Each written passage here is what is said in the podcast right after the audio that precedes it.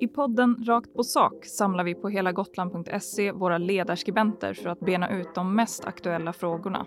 Vill du höra analyser och gå djupare in på det som påverkar gotlänningarnas vardag har du kommit helt rätt. Välkommen till podcasten Rakt på sak med Eva Bofride, Mats Linder och Erik Fransson. Och mig, Cecilia Thomsson.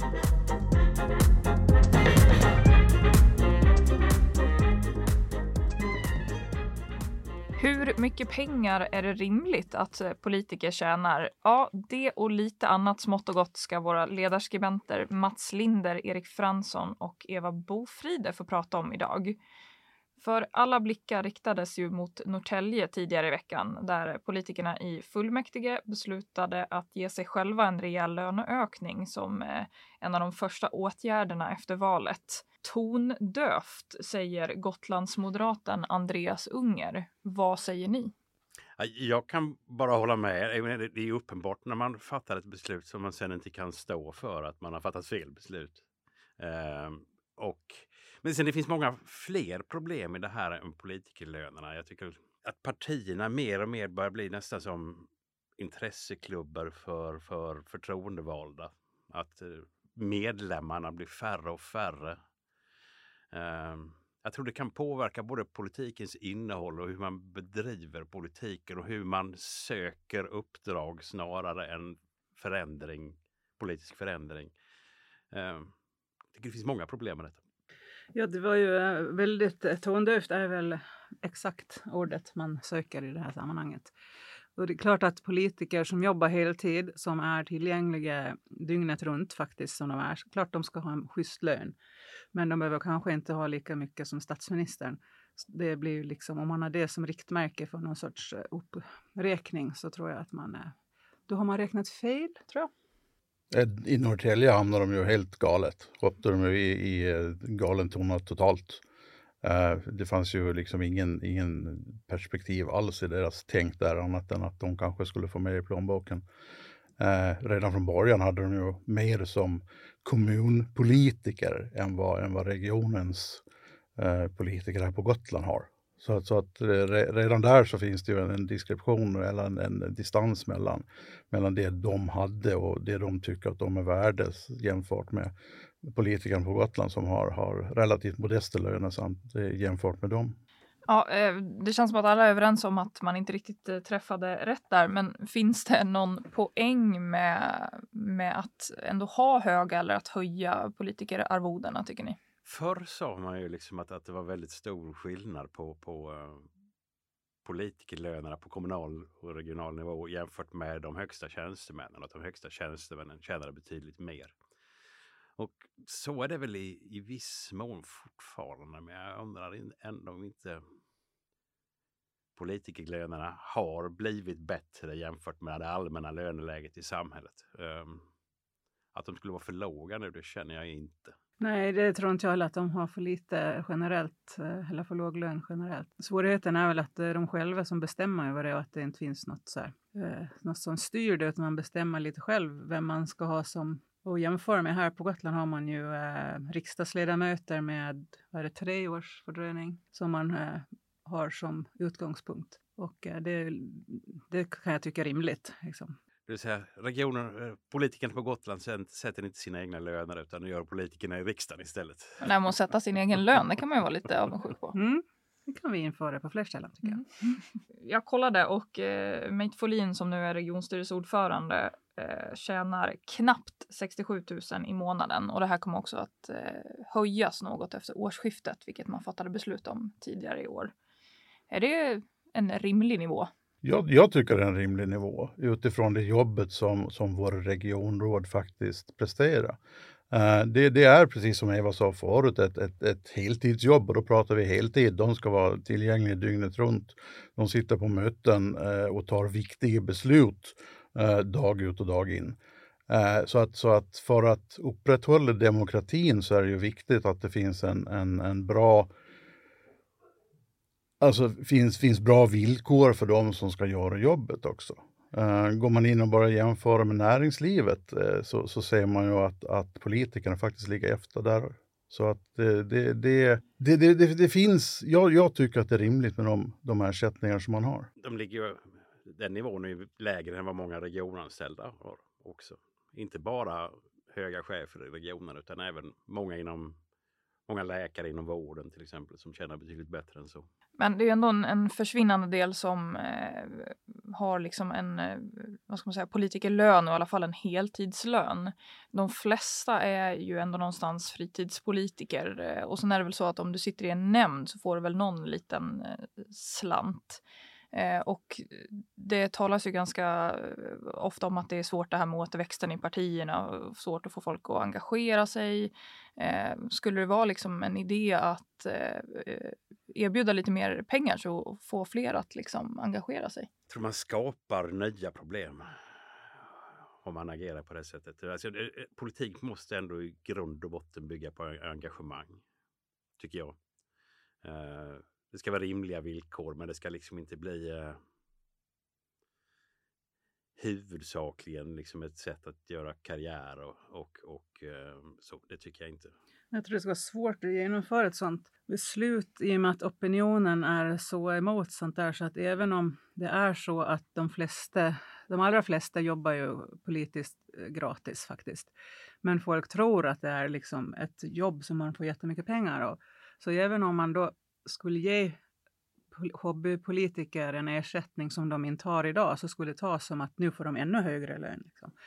Så där är ju ett pedagogiskt dilemma som kommer kanske att kosta mer än det smakar. Jag vet inte, men det är svårast. Tror jag.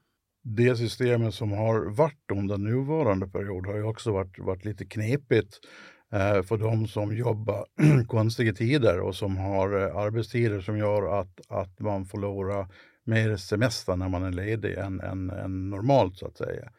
Eh, ersättningarna för förlorad arbetsförtjänst har varit, varit riktigt krångliga att få ut, även fast man skulle ha rätt till det, på grund av, av eh, formaliteter och blanketter som ska fyllas i hittan och dittan. Så många har, en del har valt att hoppa av på grund av det och en del har valt att inte ens ta ut de ersättningar som man har rätt till, just på grund av att systemen är för krångliga. Så att man måste ju hitta, hitta lösningar som gör att även de med, med arbetstider som inte är 7 och 4 och vanlig, vanlig timlön som man lätt kan, kan liksom dra av och, och få rätt till.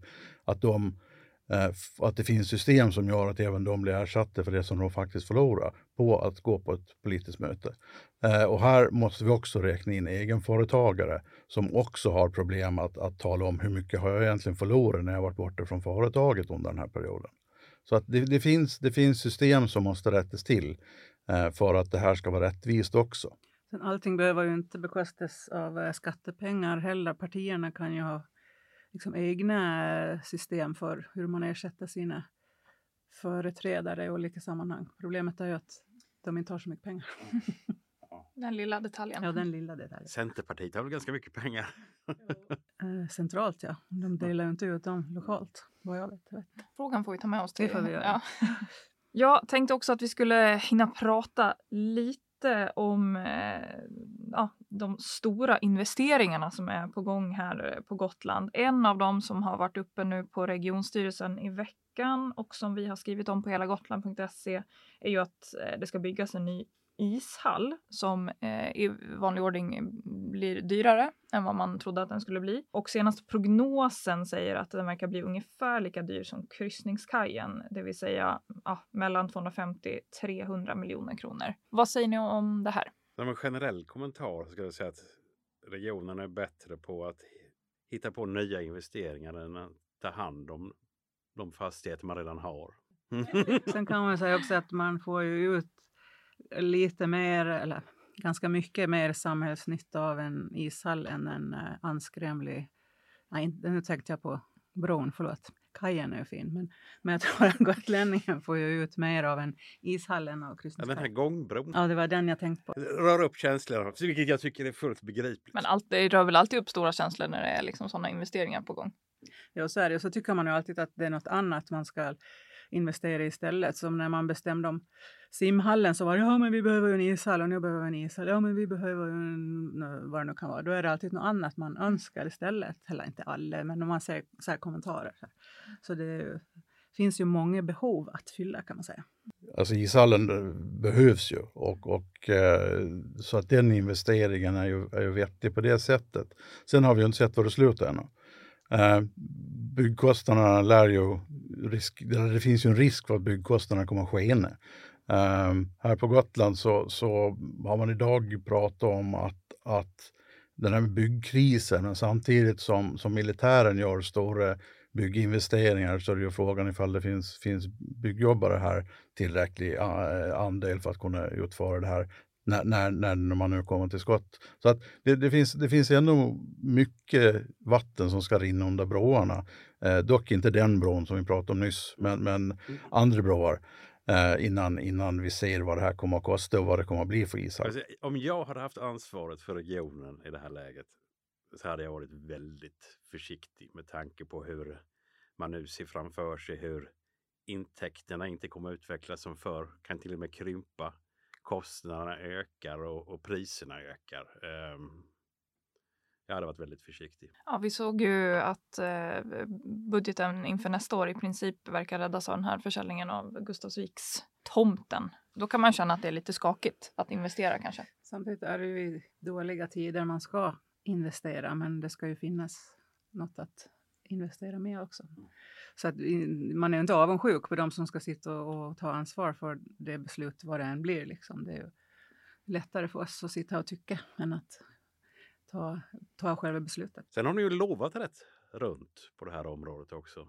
Det är ju ett, ett, ytterligare en, ett problem i sammanhanget. Hur menar du då? Ja, eh, om det inte blir ishall, om man bestämmer sig för att man inte har råd nu i det här läget att utsätta sig för den här extra kostnaden just nu så, så blir det ju en svekdebatt såklart. Det är svårt att göra rätt. Mycket svårt. I vanlig ordning. Ja. Och, eh, om ni satt på en påse pengar, vad tycker ni eh, Gotland behöver? Oj, mest. Oj, oj, om ni bara fick drömma fritt. Jag hade stoppat pengarna i madrassen. det, det var inte det svaret jag ville ha Mats. jag, jag hade satsat på ett nytt sjukhus. För det, det kommer att behövas. Frågan är när. Uh, men, men i relativt när, närtid så behövs det ett nytt sjukhus. Här Jag hade byggt eh, vägar så att man kan eh, komma fram fortare än vad det är på våra så man måste köra typ 70 var man än ska. Så det hade jag eh, nog eh, liksom sats på en snabba vägar, så det som man kallar i kollektivtrafiken och stomlinje, att några vägar är liksom, så får man ta sig dit. Men att vi har eh, kloka vägar över hela Gotland hade jag satsat på. Motorvägar eller? Ja, typ. Nej, mm. inte. Men sån här där man i alla fall får lov att köra 90 kan man säga. Mm. Mats, du måste svara någonting roligare. Fast mitt var inte roligt. Men det... Ja, fast det var ändå, no det var ändå någonting. Ja. Jag hade renoverat vatten och avlopp. Om jag ska vara ärlig. Jag hade sett, ordnat till vattenförsörjningen och eh, så är ju också över hela Sverige avloppssystemen på väg att krepera. Ni får bilda ett parti. Avloppspartiet. Ja. jag tror ändå med vatten och avlopp så slog jag nog ändå tråkighetsrekordet i panelen tror jag. Det kan vara så. Kan vara så. Sjukhuset eh, drar nog hem flest poäng i stugorna tror jag. Känns skönt att vara populisten. Ja. ja, men då skulle jag vilja säga jättestort tack till eh, er som har lyssnat och tidigare avsnitt av Rakt på sak finns precis som vanligt samlade på helagotland.se under fliken poddar och program och vi hörs ju igen om en vecka.